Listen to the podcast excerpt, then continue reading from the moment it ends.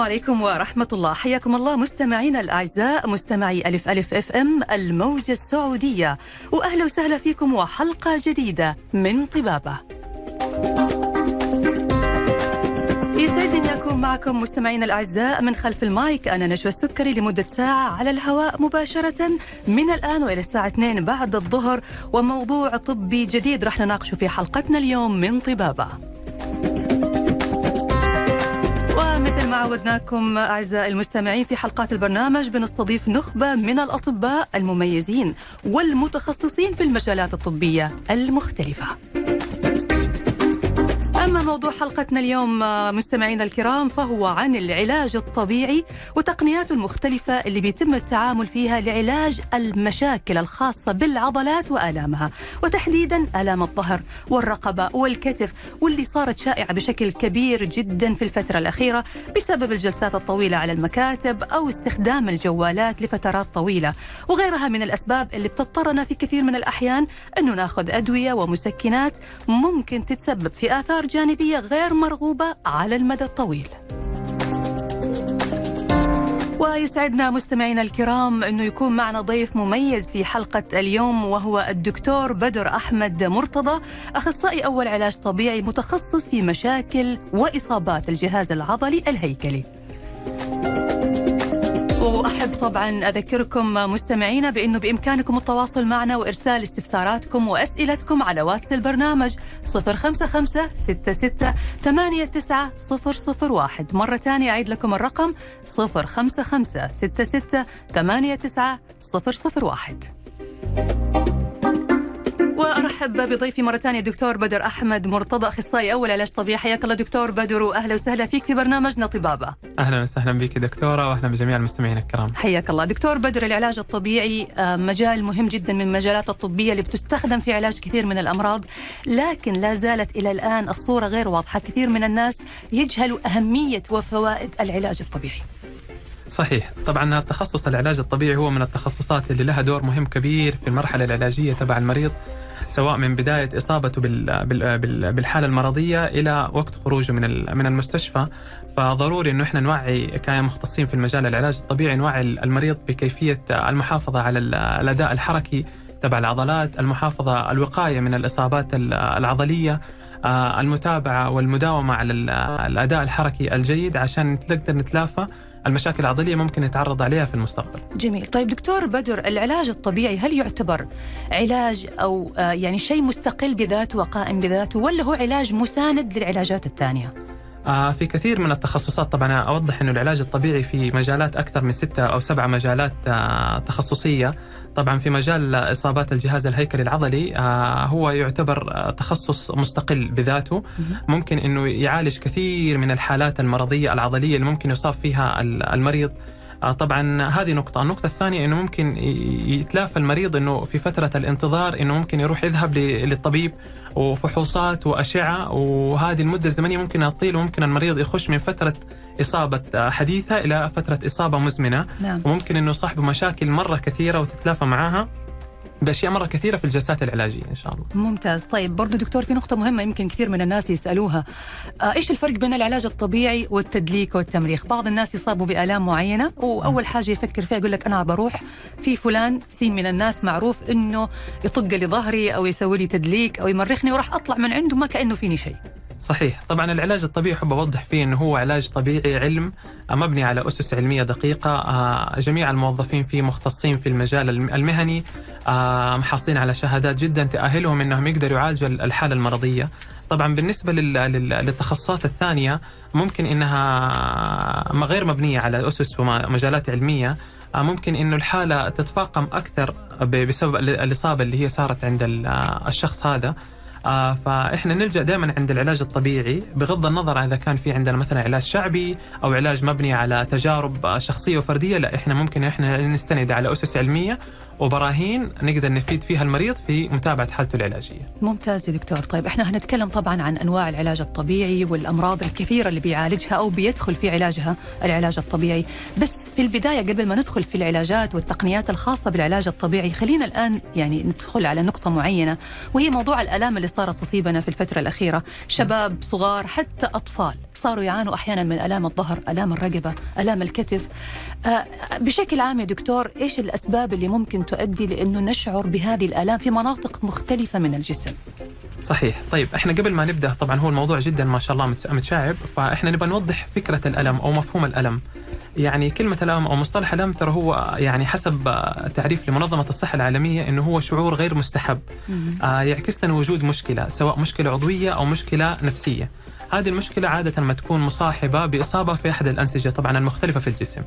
طبعا إحنا ناخذه بالمصطلح الإيجابي لأنه هو نعمة من نعم الله اللي فضلنا الله بها إنه هو يدفعنا إنه إحنا نقدر نزور الطبيب أو نقدر إنه إحنا ممكن نتابع الحالة العلاجية هل إحنا نستمر في الحالة العلاجية ولا إحنا تحسنا طبعا هذا يعتبر إحنا عندنا معيار في العلاج في العيادة إنه إحنا نقدر نتابع مع المريض أو نقدر نوقف. تمام. هذا مصطلح الألم. طبعا في بعض الآلام أحب أوضحها إنه هي تكون آلام حديثة المنشأ وآلام تكون مزمنة. م. آلام حديثة المنشأ إنه عادة الفترة الزمنية حقتها ما بين أيام إلى أسابيع. نعم. آه عادة ما تكون آه من أنواع الشدود العضلية، الإجهاد العضلي آه أو مثلا في العقد العضلية اللي ممكن تسيب العضلات. طبعا في الآلام المزمنة هذه ممكن تمتد من شهور إلى سنين نعم. طبعا هذه ممكن إنها تكون تراكمات لأمراض لم يتم علاجها أو ممكن يكون في آه، إصابات مرضية مصاحبة لهذا المرض يعني فصار تكون انعكاس لأمراض عضوية أخرى داخل الجسم مثلا؟ صحيح ويكون مثلا ما, ما تكون مشكلة مركزة في العضلات قد ما إنها مشكلة مركزة في مناطق ثانية أدت نفس نتيجة وظهرت على العضلات. وظهرت على العضلات نعم. صحيح. المؤقتة هذه بتكون بسبب إجهاد بسبب حركة مفاجئة مثلا؟ المؤقتة عادة يعني ممكن تصيب أي أحد في فترة زمنية في حياته طبعا نسبتها جدا كبيرة ممكن أنا يعني شخصيا آه، نمت أمس وصحيت من النوم بسبب أيوة. ألم في الرقبة آه ممكن هذه جاتني. فهذه أنا أعتبرها إنه هي ألم حديث المنشأ. آه ممكن إن أنا أستعمل له طرق من العلاجية ممكن تخفف الألم. لكن لو إنه استمر علي لمدة مثلا شهور وصار في إصابات في مشاكل ثانية يعني مثلا جاتني ألم في الرقبة واستمر أمتد إلى ألم الأكتاف ومسكني في اسفل الظهر لا هنا لازم إني أراجع عن المختصين. تبع العلاج الطبيعي عشان أشوف إيش الإشكالية منها وبعدها يصير احدد طريقة. هنا في سؤال يا دكتور متى ألجأ لأخصائي العلاج الطبيعي؟ آه طيب. آه نلجأ لاخصائي العلاج الطبيعي في بداية أول أيام من الإصابة. آه في حالة لو إحنا استعملنا آه الطرق العلاجية اللي ممكن إنها تخفف من الشدود العضلية، طبعا إحنا عارفين الشدود العضلية آه يكون منشأها مثلا آه، الإجهاد المفاجئ، ممكن يكون نقص التروية في العضلات، ممكن يكون الحمل الزائد ممكن يكون الوضعية الخطأ لنفس آه، وضعية الجسم لفترة طويلة. فإحنا ممكن إنه إحنا نستعمل عليها الطرق العلاجية. آه لمدة يومين أو ثلاثة أيام. في حالة لو إنها استمر الألم وصار الألم آه ال response حقه ال frequency حقه زايد مستمر وما وبيزيد. أيوه بيزيد وما بيتناقص معنا هنا ممكن إحنا نلجأ ولازم نروح العلاج الطبيعي يعني دكتور حضرتك تقصد إنه إذا الألم ما استجاب مثلا للمسكنات للأدوية للراحة أو الطرق العلاجية العادية البسيطة هذه في الحالة هذه لازم نلجأ لأخصائي العلاج. صحيح عشان ممكن إنها تكون في عنده إحنا في عندنا في المجال الطبي في عندنا زي العلامات إنها تستدعي إنه لا فحوصات ثانية. مثلا إذا كان في عنده مثلا ريد فلاجز يعني مثلا جاني مريض وهو ممكن يشتكي من آلام في الرقبة أو آلام أسفل الظهر أنا حفحصه تقريبا أو بعدين أشيك إذا كان هو في عنده مشكلة عضوية أو في حد ذاتها في العضلات أو ممكن إنها تكون تستدعي فحوصات ثانية من طبيب مختص بمجال ثاني. ممتاز. طيب آه العلاج الطبيعي تطور بشكل كبير جدا آه، أنا تفاجأت صراحة بأنواع العلاج الطبيعي اللي بتدخل كمان في علاجات أخرى أو في مجالات طبية وأمراض مختلفة بداية من الأعصاب وانتهاء يمكن بالتجميل حتى وعلاج الندبات. آه ما بين هذه وهذه أنا شفت أنه في عندنا عدة مجالات مختلفة بيتم فيها استخدام العلاج الطبيعي وأثبت نجاحه خاصة مع التقنيات الجديدة اللي توفرت مؤخرا. نبدأ كده آه، مع المستمعين ومعك آه، دكتور نتكلم عن التقنيات الحديثة هذه اللي بيتم استخدامها حاليا في العلاج الطبيعي. آه طيب. آه بالنسبة للتقنيات دحين الحديثة إحنا نستعمل أو إنها آه ممكن إنها تكون مستعملة لها فترة آه بشكل آه كبير. لكن آه تقنية الإبر الجافة دحين تعتبر من التقنيات الجدا جميلة وممكن إنه لها آثار آه سريعة المفعول في بداية أول جلسات العلاج الطبيعي. طبعا أثبتت دراسات كثيرة إنه هي بحد ذاتها ممكن إنها ما تكون علاج فعال لكن إنها تكون مرتبطة بتمارين علاجية عشان إنه يكون في نتائج مرضية لفترة طويلة من جلسات العلاج الطبيعي. إيش هي الإبر الجافة مبدئيا يا دكتور؟ آه طيب آه طبعا في فرق أحب أوضح للمستمعين إنه في فرق ما بين الإبر الجافة وفي فرق ما بين الإبر الصينية. طبعا الإبر الصينية آه هو العلم آه مستند على آه الإبر نفسها بس على مسارات الطاقة داخل الجسم الإنسان. في حال لو إنه أنا كان في عندي مشاكل عضلية أو مثلا في عندي شدود عضلية ممكن أستعمل الإبرة الجافة لأنها هي تستهدف الشدود العضلية. تمام. طيب يعني خلينا نتكلم عن التكنيك حق الابره الجافه هذا لأنه يمكن إحنا في حلقة سابقة من برنامجنا تكلمنا عن آه، متلازمة ألم العضلات الليفي أو التليفي وكان المتلازمة هذه ما كان لها علاج لكن ضيفتنا في الحلقة أشارت إلى إنه تقنية الابره الجافه ممكن تكون أحد التقنيات اللي تساعد كثير في التخلص أو تخفيف الآلام. حضرتك ذكرت إنها إبر تشبه الإبرة الصينية لكنها مختلفة عنها. بس إحنا نبغى نوضح للمجتمع إيش معنى الإبرة الجافة يعني هل هي إبر بيتم وخزها في مناطق معينة في الجسم مناطق الأعصاب مناطق الشعور بالألم؟ وهل يكون المريض متمدد وكله إبر؟ ولا هي يعني أبغى أتخيل الشكل هذا كيف يكون أو العملية كيف بتتم؟ تمام. آه طبعا دحين قبل ما إحنا نبدأ في في طريقة استعمالها وفين الأماكن اللي توضع فيها أحب إني أوضح إنه إنه المشاكل عادة اللي إحنا نستعمل فيها الإبرة الصينية أو الإبرة الجافة تكون في مشاكل العضلات إنه تنشأ فيها عقد عضلية. نعم. طيب نحب نوضح إنه العقد العضلية هي عبارة عن الألياف العضلية اللي هي تنشأ في نفس العضلة يصير فيها عدم تمدد أو تقلص في نفس العضلات نتيجة الحركة المرغوبة من نفس الشخص. فمع عدم التمدد أو التقلص هذا لفترة طويلة ممكن إنه يسبب لنا عقد عضلية. نعم. في حالة الشخص أهمل العلاج الطبيعي أو أهمل طريقة العلاج أو المسكنات في هذه العضلة ممكن إنها تصير جميع الألياف العضلية أو النسيج العضلي يحتوي على عقد عضليه. يعني زي كتلة أو زي تليف صحيح. بسيط أو كذا فانتم بتفكفكوا هذه العقدة. يا سلام نعم. فطريقة الإبرة الصينية آه، أو الإبرة الجاف عفوا إنه هي تيجي في محل العقد العضليه وتحاول إنها تسوي لها جروح داخلية بسيطة، طبعا إحنا ننوه إنه العضل الابره الجافة ما يتجاوز سمكها 0. 2 ملم مره مرة يعني أقل من إحساس المريض. فممكن حتى لو إني أنا أستعملها مع المرضى في العيادة ما حيحس لا إني أنا لما أدخل الإبرة ولا إني لما اجلس أسوي طريقة العلاج. ما يحس فأنا أجي في نفس العقد العضلية أسوي جروح داخلية. مم. طب أنا إيش فائده ممكن إني أسوي جروح داخلية داخل الالياف العضلية؟ إني أنا أخلي الجسم يقدر يعالج نفسه. إني أقول له الجسم ترى في عندنا مشكلة أو في جرح داخل العضلة يوجه الجسم جميع الخلايا البيضاء إنه يفك العقده العضلية هذه. نعم. فمع التكرار في جلسات العلاج الطبيعي طبعا بمتابعة التمارين العلاجية والاستطالات حيصير في تحسن كثير في الحالة المرضية ممتاز إحنا مستمرين في حوارنا دكتور بدر عن تقنيات العلاج الطبيعي وأهميتها وفائدتها في علاج آلام العضلات بشكل عام لكن هناخذ فاصل قصير ونرجع بعد نواصل حوارنا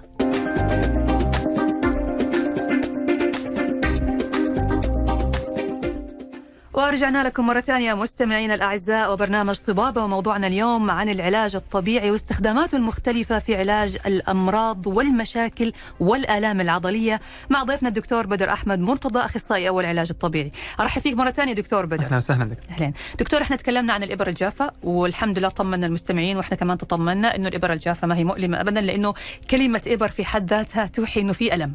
يعني في ناس عندها فوبيا من من الكلمة حتى في حد ذاتها. فحضرتك قلت إنه لا ما فيها الألم وهي تساعد كثير في تخفيف الالام صحيح. لكن السؤال اللي يطرح نفسه إحنا كنا نتناقش في هذا الجزئية قبل الفاصل.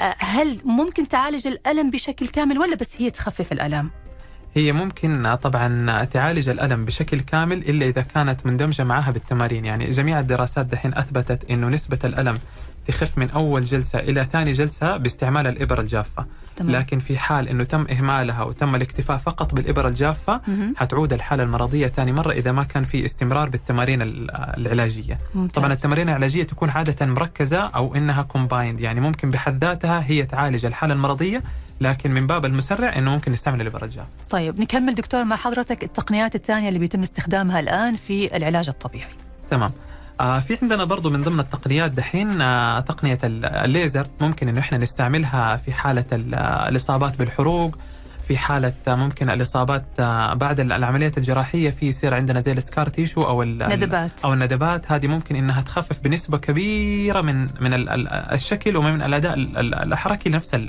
العضو. العلاج الطبيعي يساعد في تخفيف أو إزالة الندبات بعد الجراحات كيف يا دكتور هذه معلومة جديدة يعني بالنسبة آه لنا ممكن دحين إذا واحد مثلا دخل في عملية أو صار في مثلا آه قطع جراحي أو أيوة. صار في ندبات بعد العملية الجراحية يصير في زي ال scar tissue تتكون زي الخلايا على أساس إنها تقدر بعد العملية الجراحية مم. فممكن إحنا بجهاز ال- الليزر ممكن انه إحنا نخفف من هذه الندبات. جهاز ال ultrasound الموجات فوق الصوتية أيضا ممكن إنه هو له دور كبير إنه يخفف من الندبات هذه ويحسن من الاداء الحركي تبع الجلد ممتاز جدا. طيب غير كذا غير الليزر يا دكتور حضرتك الآن ذكرت الموجات فوق الصوتية برضو. هذه من التق... التقنيات اللي بيتم استخدامها كمان. صحيح هذه التقنية لها مجالات جدا استعمال واسعة. ممكن إن إحنا نستعملها في التهابات الأوتار. عادة بيجونا ناس كثيرين في العيادة ونستعمل لهم الموجات فوق الصوتية. طبعا هي تارجتنج أو هي مستهدفة لالتهاب الأوتار. ممكن في واحد عنده جاء التهاب في الأوتار الكتف ممكن التهاب في أوتار الركبة فممكن انه إحنا نخفف منها. طبعا إنه العلاج الطبيعي ليس فقط تقنية علاجية ممكن نستعملها في جلسة واحدة ونسيبها لا. مم. إحنا ممكن نستعمل جهاز الألتراساوند وممكن نستعمل الإبر الجافة ممكن نستعمل التمارين العلاجية. أيضا ممكن نستعمل إذا كان المريض يتابع الجلسات العلاجية في البيت بتمارين المقاومة والمطة. هذه الجزئية هننتقل لها يعني طبعا بس بعد ما نخلص التقنيات المستخدمة في العلاج الطبيعي لأنه مهم جدا إنه الإنسان يعرف كيف يعالج نفسه. صحيح. في تمارين بسيطة حضرتك ذكرت لي إياها ممكن الشخص يمارسها في البيت تخفف صحيح. كثير من الآلام اللي بنشعر بها بشكل دائم. طيب بالنسبة للموجات الكهربائية آه، برضو هذه من التقنيات اللي بيتم استخدامها بشكل واسع في العلاج الطبيعي. صحيح. طبعا بالنسبة للموجات الكهربائية ممكن نحن نستعملها في تحفيز العضلات علشان إذا كان في عنده مشكلة مثلا عصبية أو مشكلة مثلا العضلات صار فيها ضمور وصار في عدم قدرة في إنتاج الحركة بعد التمارين العلاجية ممكن إنه هي من باب مساعد بالإضافة للأدوات العلاجية اللي يستعملها اخصائي العلاج الطبيعي في الجلسة ممكن نستعمل التنبيه الكهربائي electrical stimulation ممتاز يا دكتور. طيب دكتور يعني في بعض الناس يقولوا ليش بعد العلاج الطبيعي ممكن يشعر المريض بزيادة في الألام في بعض الأحيان؟ آه عادة بعد التمارين العلاجية آه ممكن إنه يصير في زي ال ال ال الإصابات لأنه زي هو تمرين علاجي ففي التمارين إحنا بنسوي مجهود أو حمل زائد على العضلة مم. فهذا الحمل الزائد بيسوي زي التهتك أو إجهاد على العضلة فإحنا نحاول دائما ننصح المرضى إنه يستمر لمدة 24 ساعة في فترة راحة أو انه ياخذ المسكنات ويشوف مدى تأثير التمارين العلاجية بعد 24 ساعة من الجلسة العلاجية. أيضا أحب أنوه إنه ممكن حتى الإبر الجافة من الآثار إنه بعد استعمالها ممكن إنها تسبب آلام في نفس المنطقة العلاجية تبع المريض، فإحنا عادة ما ننصح المرضى إنهم يستعملوا مسكنات ويرتاحوا لمدة 24 ساعة ويلاحظوا الفرق إن شاء الله بعد أول جلسة لثاني جلسة من العلاج. ممتاز. واللي فهمته من حضرتك إنه أنتم تقريبا بتعملوا تحفيز للعضلة من خلال الموجات الصوتية، من خلال الليزر، من خلال الموجات الكهربائية أو الإبرة الجافة، عملية التحفيز هذه في حد ذاتها بتزود آه، أو بتنشط الدورة الدموية في المنطقة وبالتالي يمكن بتخلي الأعصاب ترجع يعني تحيا من جديد أو يصير يعني فيها شعور أعلى وبالتالي ممكن يشعر المريض بزيادة ألم لكنها زيادة ألم صحية. صحيح لأنه حتى في كمان طريقة علاج طبيعي بواسطة الابر الجافه مو بس إنه إحنا ممكن نستعمل الإبرة الجافة على العضلة ممكن إنه إحنا نستعمل الإبرة الجافة بالإضافة لها تنبيه كهربائي. فإحنا كده وصلنا التنبيه, التنبيه الكهربائي لداخل الألياف العضلية داخل الجسم. نعم. لأنه التنبيه الكهربائي ممكن نستعمل آه، آه، سطحي وهو يوصل لداخل العضلة لكن بواسطة الإبرة الجافة ممكن نوصلها الألياف العضلية داخل العضلة وهذه برضه طريقة أحسن للعلاج العضلي. ممتاز. طيب غير التقنيات المتطورة والحديثة يا دكتور لا زال في أشياء يمكن تعتبر بدائية لكنها فعالة جدا مثل الثلج.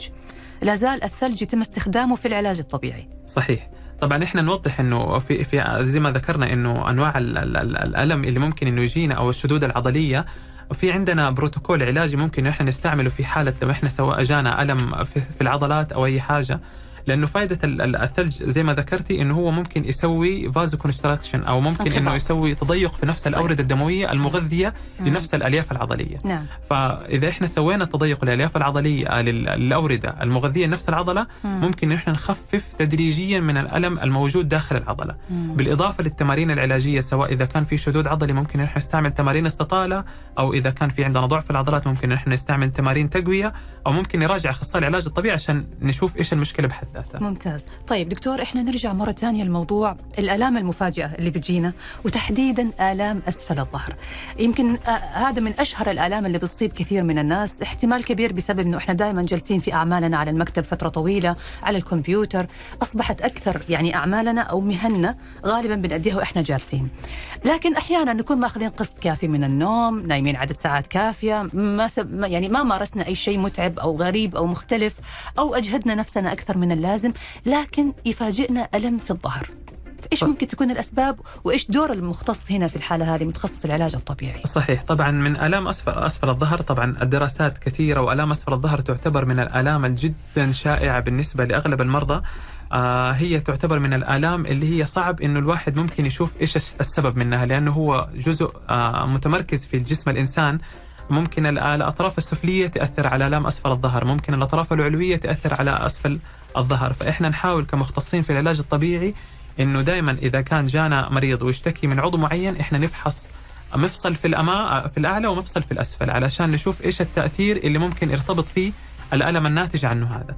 طبعا آلام أسفل الظهر عادة ما إنها تكون منشأ من الشدود العضلية أو ممكن يكون في عدم توازن ما بين العضلات الأمامية والخلفية مم. يعني ممكن أنا أذكر لك مثال صار في عندنا في العيادة الأسبوع اللي فات دكتورة اجانا أحد المرضى وكان يشتكي من ألام اسفل الظهر لمدة تقريبا تتجاوز الثلاث سنوات. طيب مستمر و... معاه ثلاث سنوات؟ ثلاث سنوات وكان مستمر على المسكنات أثرت على التحاليل المخبرية حقته وصار في عنده مشاكل صحية أثرت على الكلى وأثرت على الكبد ومعروف إن المسكنات لفترة طويلة كمان تسبب مشاكل في المعدة. صحيح وهذا هو اللي جانا به المريض وممكن إنه أستمر معاه إنه صار بدل ما هي مشكلة عضوية صارت مشكلة نفسية إنه صار هو منزعج نفسيته جدا ما صارت مرتاحة مع المشاكل هذه. فبعد ما شفنا الجلسة وفحصناه فحص سريري دقيق اكتشفنا إنه هو في عنده عدم توازن ما بين عضلات الحوض الأمامية مع الخلفية فصار في عنده شدود عضلية في الفخذ وهي أدت انها هي تشد العضلات حقت الظهر. آه، يعني كان الجسم بيحاول يعمل التوازن هذا أو الجسم بيحاول يعدل صحيح. من وضعيته بنفسه وبالتالي الشد هذا هو اللي كان بيسبب له الألم لمدة ثلاث سنوات كان الجسم بيحاول يعدل نفسه لكن مم. العضلات ما كانت تسمح فيه. ولو إنه كان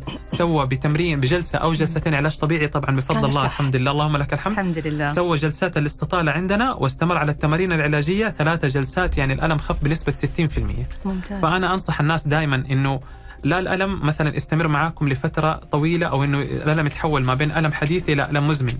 لأنه ممكن إذا تحول لالم مزمن ممكن إنه يصاحبك مشاكل صحية ثانية تستدعي إنه تطورات ودخلات علاجية أنت في غنى عنها. فممكن إنه بزياره أخصائي العلاج الطبيعي ممكن إنه فحص سريري بشخص مختص ممكن إنك أنت توجد المشكلة حتى لو إنه رحت لأخصائي أول أخصائي ثاني ممكن إنك أنت تلاقي الحل. بس تستمر على نفس الحل. واستمر. ألم مزمن. هذا بخطورة بحد ذاته في اعتقاد شائع دكتور بدر أنه بداية العلاج الطبيعي رحلة لن تتوقف هتستمر. فإذا أنت بديت علاج طبيعي لازم تظل طول عمرك تاخذ جلسات علاج طبيعي. هذا الشيء صحيح؟ لا أنا أخالف. ممكن نستمر في جلسات العلاج الطبيعي كأنه يكون مينتنس أو يكون مثلا شيء وقائي عشان نقدر نمنع نفسنا أنه من الإصابات الثانية. نعم. طبعا أنت عارفة أنه دور الوقاية خير من العلاج. أكيد. ممكن أنه إحنا إذا سوينا تمارين التقوية وعضلاتنا كانت قوية وفي مدى حركي تمام ممكن انه إحنا نحمي نفسنا من إصابات لو إحنا نزلنا مثلا ل لمضمار أو نزلنا مثلا لأكتيفيتي أو نشاطات ممكن تتطلب مجهود عضلي إحنا عندنا القدره الكافيه إنه إحنا نتلافى أي مشاكل ممكن تواجهنا. طيب في دكتور أحيانا بعض الناس ما يقدر يفرق بين آلام الظهر اللي بيكون سببها مشاكل في العمود الفقري والآلام اللي بيكون سببها شد عضلي، هو حاسس بألم مم. بس ما هو عارف إيش إيش سبب الألم هذا، وممكن يروح يلجأ لشخص من الأشخاص اللي بيعملوا تدليك أو تمريخ ويروح على أساس إنه يعالج وتكون المشكلة شيء ثاني مختلف تماما هي سبب الألم اللي عنده. صحيح، طبعا عادة ما يجيني المريض إذا كان يشتكي من آلام أسفل الظهر ويجيني يقول لي والله أنا سويت أشعة وطلعت في الأشعة إنه في عندي انزلاق. نعم. طبعا إحنا نسبة الأشعة بالنسبة لتشخيص مشاكل الجهاز العضلي الهيكلي نسبتها جدا قليلة مقارنة بالفحص السريري. يعني إحنا في عندنا normal aging ممكن إنها تسير مع الأشعة. نعم. فممكن الشخص السليم يجي يسوي أشعة ويطلع انه والله في عنده مشاكل في الغضروف ولا في مشاكل في ال disc لكن هي بحد ذاتها ما ظهرت فحص سريريا. وممكن إذا أنت سويت الأشعة تظهر فحص سريري فهو الفحص السريري. عادة أنا أجي أخبر المريض أقول له هل الألام أنت عندك مستمرة لفترة طويلة ولا متقطعة؟ هل إذا كانت مصحوبة مع تمارين محددة أو وضعيات محددة أو لا؟ هل في عندك مشاكل في التنميل ممتدة للأطراف السفلية أو لا؟ افحص قوة العضلات؟ افحص المدى الحركي تبع الحوض وتبع المفصل كامل تبع الأطراف السفلية؟ مم. وقتها أبدأ معاه البرنامج العلاجي. إذا كان في تحسن بمقدار من ثلاثة إلى أربع جلسات أعرف إنه أنا ماشي في ال right way في الاتجاه الصحيح. في الاتجاه الصحيح. لكن لو إنه ما ما صار في تحسن ممكن أنا أغير طريقة علاجي. لكن ما أستمر في الجلسات العلاجية لمدة 12 جلسة أو 14 جلسة وما كان في أي تحسن في المريض. مم. فأنا بكذا أنصح المريض إنه هو يروح لدكتور مختص ممكن يشوف فحوصات ثانية ممكن إنه يدله على طبيعة الألم اللي يحس فيه. طب متى دكتور المفترض إنه المريض يشعر بتحسن بعد بدء جلسات العلاج الطبيعي؟ هنا تعتمد على المريض. في بعض المرضى ممكن إنهم يستمروا في الجلسات العلاجية ومتابعين معانا. يعني أنا أعطي التمارين للمريض وممكن هو يروح كمان يسويها يعني day off day on day off day on ممكن إنه هو يتابع معايا. في بعض المرضى لا إنه يهمل الجلسات العلاجية لمدة أسبوع أسبوعين ويقول لي أنا ما جيت إلا سويت جلسة واحدة. طبعا هذا بطبيعة الحال ما حيكون في أي تحسن. لكن برضه يرجع لقوة عضلات المريض نفسه لاهتمامه في ال في ال في الجلسات العلاجية أيضا لمدى صعوبة وتطور الحالة المرضية. طيب جميل يا دكتور إحنا برضو آه، لازال حوارنا مستمر وعندنا موضوع مهم اللي هو الأبهر وآلام الأبهر وكيف نتعامل معها وكيف نعالجها وهل علاجه سهل وهل أنا أقدر بنفسي أعالج هذه المشاكل في بيتي مثلا أو من خلال تمارين بسيطة هنعرف الإجابة على هذه الأسئلة لكن بعد هذا الفاصل.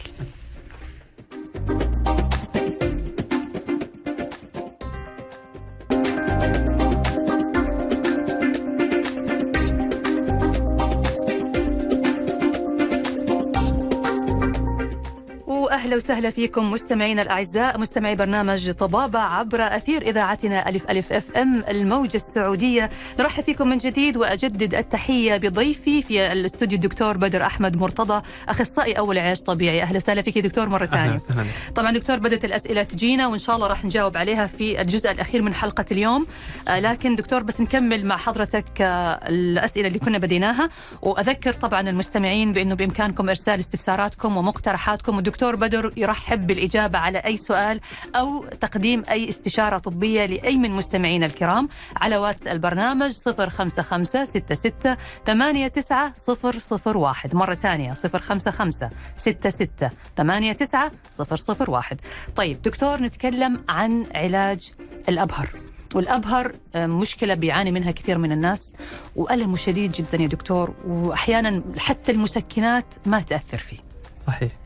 طبعا هو الأبهر أول شيء نعرف إحنا إيش سبب تسميه الأبهر لأنه أيه. ممكن صار في نسبة كثيرة مغلوطة في سبب التسمية هو كان سابقا يرجع للشريان الأورطي اللي هو الأبهر بالعامي مم. وممكن إذا كان في صار في مشكلة يسمع في نفس المنطقة تبع الأبهر اللي هي في خلف الظهر تمام. طبعا هي مشكلة الأبهر تكون ما بين لوح الكتف وما بين الفقرات الصدرية مم. فهذه هنا المنطقة هي هذه اللي تكون سببها الألم أكثر شيء تكون في الجهة اليمين أو في الجهة اليسار أو ممكن تكون في الجهتين.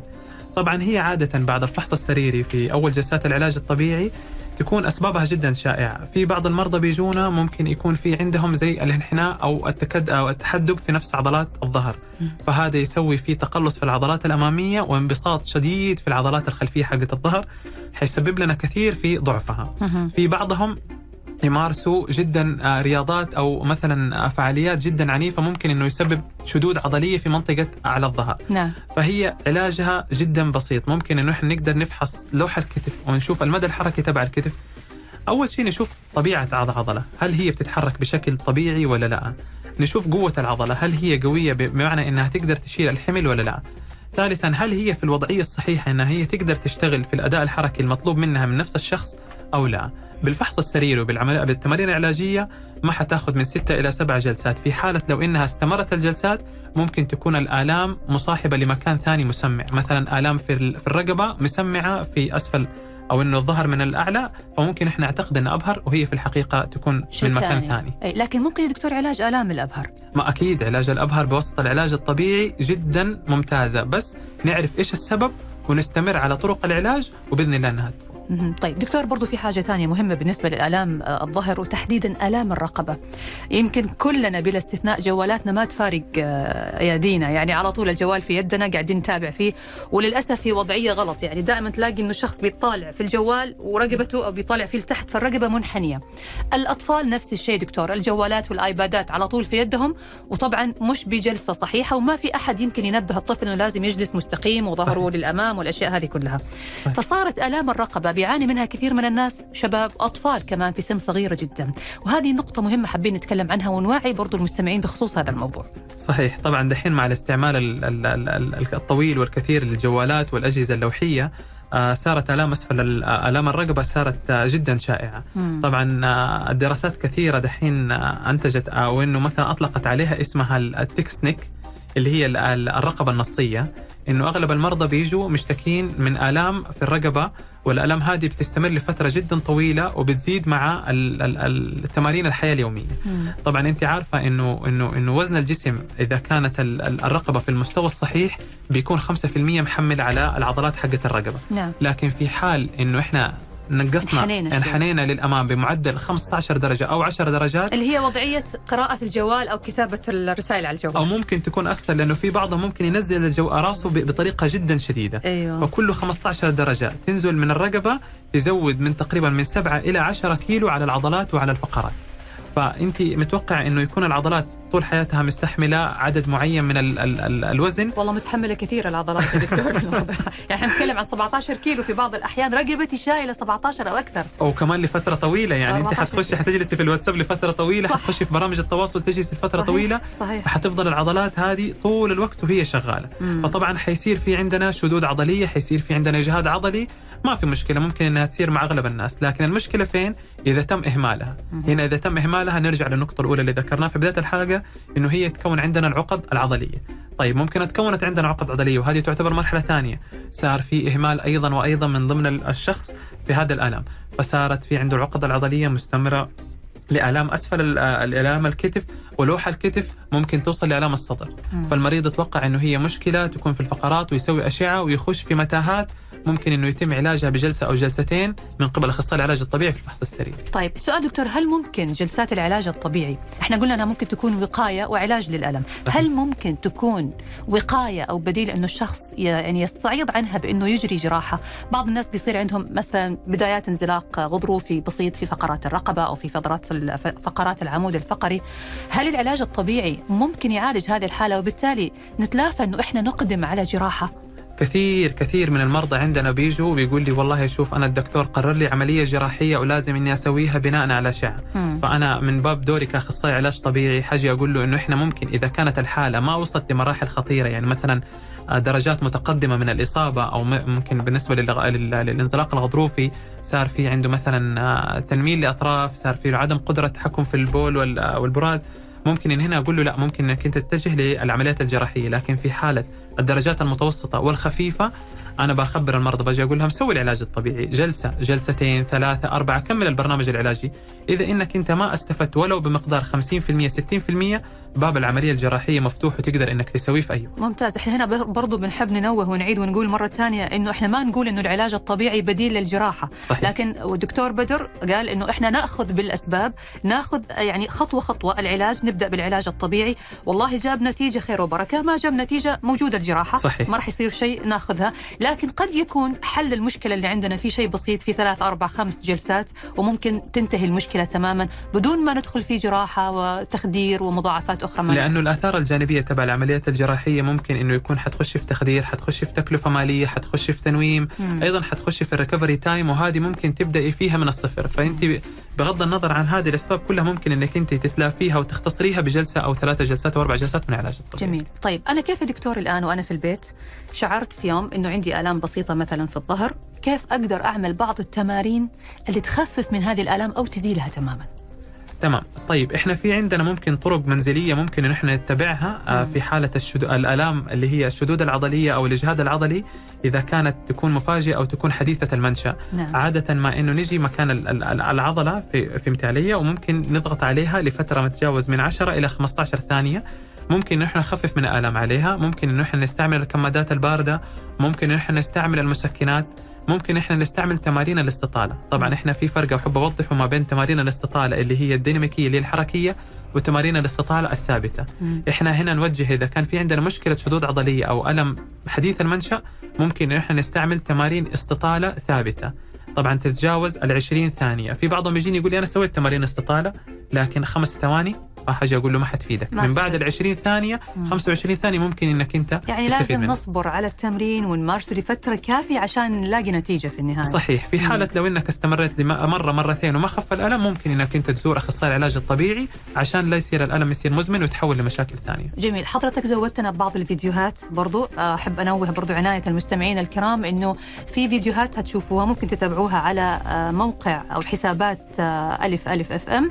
هتلاقوها موجودة على حساباتنا. الفيديوهات هذه بتشرح بطريقة مرئية وعملية كيف ممكن نتخلص من الالام والدكتور برضو ممكن يكلمنا عنها بسرعة قبل ما نطلع فاصل. آه من ضمن المقاطع اللي أنا صورتها برضو ألام الابهر ممكن إنه إحنا نستعمل ككرة آه بيسبول أو إنها كرة حقت الأطفال تكون قاسية نسبيا. مم. ونحطها ما بيننا وما بين سطح آه سطح آه صلب عشان إنه نحاول الجدار. نسوي أيوه الجدار نحاول إنه إحنا نضغط عليها. سواء في بعض المرضى يفضلوا هم على الجدار في بعض المرضى ممكن يفضلوا آه وهم يكونوا على الأرض.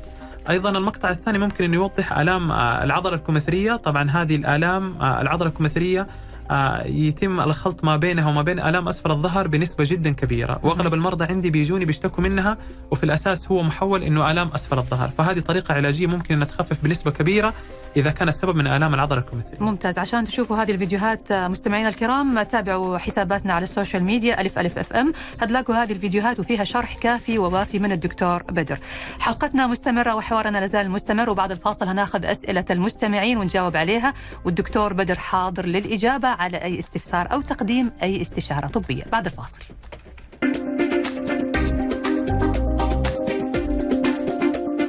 ونرحب فيكم مرة ثانية مستمعينا الأعزاء مستمعي برنامج طبابة على إذاعة ألف ألف إف إم الموجة السعودية وضيفنا في الاستوديو الدكتور بدر أحمد مرتضى أخصائي أول علاج طبيعي. حياك الله يا دكتور مرة ثانية. أهلا وسهلا. طبعا دكتور هذه الفترة هي فترة المستمعين وبدأت تجينا أسئلة من بداية الحلقة فلازم نعطيهم برضو مساحتهم. آه، في مستمع من المستمعين الكرام الأستاذ فهد المطيري أرسل يقول أسعد الله أوقاتكم. عندي ألم مزمن في الرقبة. أحيانا تخف وأحيانا تألمني إذا غيرت المخدة أو سافرت بالسيارة لمسافات طويلة. إيش الحل؟ آه طيب آه ممكن آه أنصح الأستاذ فهد في حالة لو إنه كان ال ال يشوف إيش إيش الطريقة وإيش الوضعيات اللي ممكن تساعده في تخفيف آلام آه الرقبة. نعم. آه نحاول نفحص عضلات الرقبة الأمامية الجانبية الخلفية. لو إنها كانت بال بال بالقوة المطلوبة ممكن إن إحنا نشوف عضلات الكتف عضلات أعلى الظهر. ممكن إنه هي أيضا بطريقتها وبدورها ممكن تأثر على آلام الرقبة. ممكن نشوف المدى الحركي تبع الفقرات القطنيه الفقرات العنقية. إذا كان في الأمام أو إذا كان في الخلف نفحصها كامل. هل في تنميل مصاحب علينا ولا لا؟ لكن في حالة إنه زي كذا نحاول نستمر على التمارين العلاجية.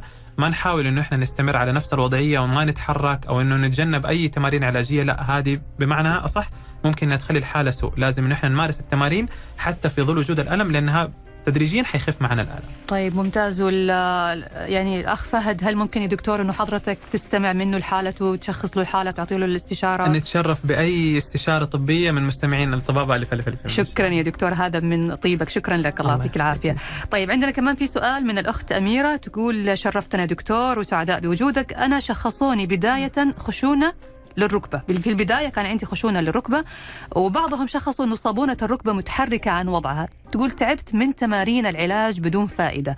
لي أكثر من أربع سنوات ألم وجلست أربع شهور وأكثر أتمرن بدون فائدة. إيش الحل؟ مع العلم أنه وزني 49 وطولي 161 يعني أربع شهور تعتبر مدة جدا كبيرة لفترة العلاج. ممكن أنها تسوي مشكلة جدا بسيطة حقت خشونة الركبة. لكن آه نصيحتي لها ممكن إن هي تشوف المدى الحركي هل هي التمارين العلاجية اللي بتأديها هل هي مستهدفة نفس العضلات بالنسبة للركبة ولا لا؟ مم. ثانيا إحنا أول شيء إذا جاني مريض وفي عنده خشونة الركبة نشوف مدى الخشونة بالأشعة. هل هي المدى الحر... المسافة ما بين العظام والمفصل الركبة هل هي تستدعي عملية جراحية أو لا؟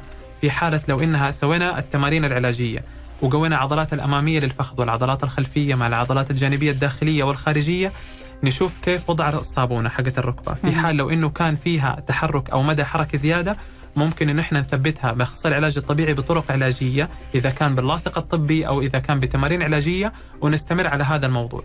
في حال لو إنه الألم ما زال موجود زي ما خبرتك في بداية الحلقة ممكن إن إحنا نطلع لمفصل امام في الأمام في الأعلى ومفصل في الأسفل، ممكن المشكلة الأساسية هي عندها من مفصل القدم ومؤثره على مفصل على الركبة نعم. أو ممكن بالأصح انه هو عندها مشكلة في مفصل الحوض ومؤثر أو مؤثر على مفصل الركبة، فهنا في اخصائي العلاج الطبيعي في الفحص السريري ممكن إنه يكتشف هذه الحالة. ممتاز، يعني هي تقول هل يوجد اذا علاج نهائي لخشونة الركبة غير العملية؟ نعم يوجد علاج بس لازم بعد الفحص السريري. بإذن الله، فحص سريري من أخصائي مختص في المشاكل العضلية. تمام يا دكتور، طيب في عندنا برضه سؤال اخر آه من مستمع أو مستمعة ما ذكر الاسم.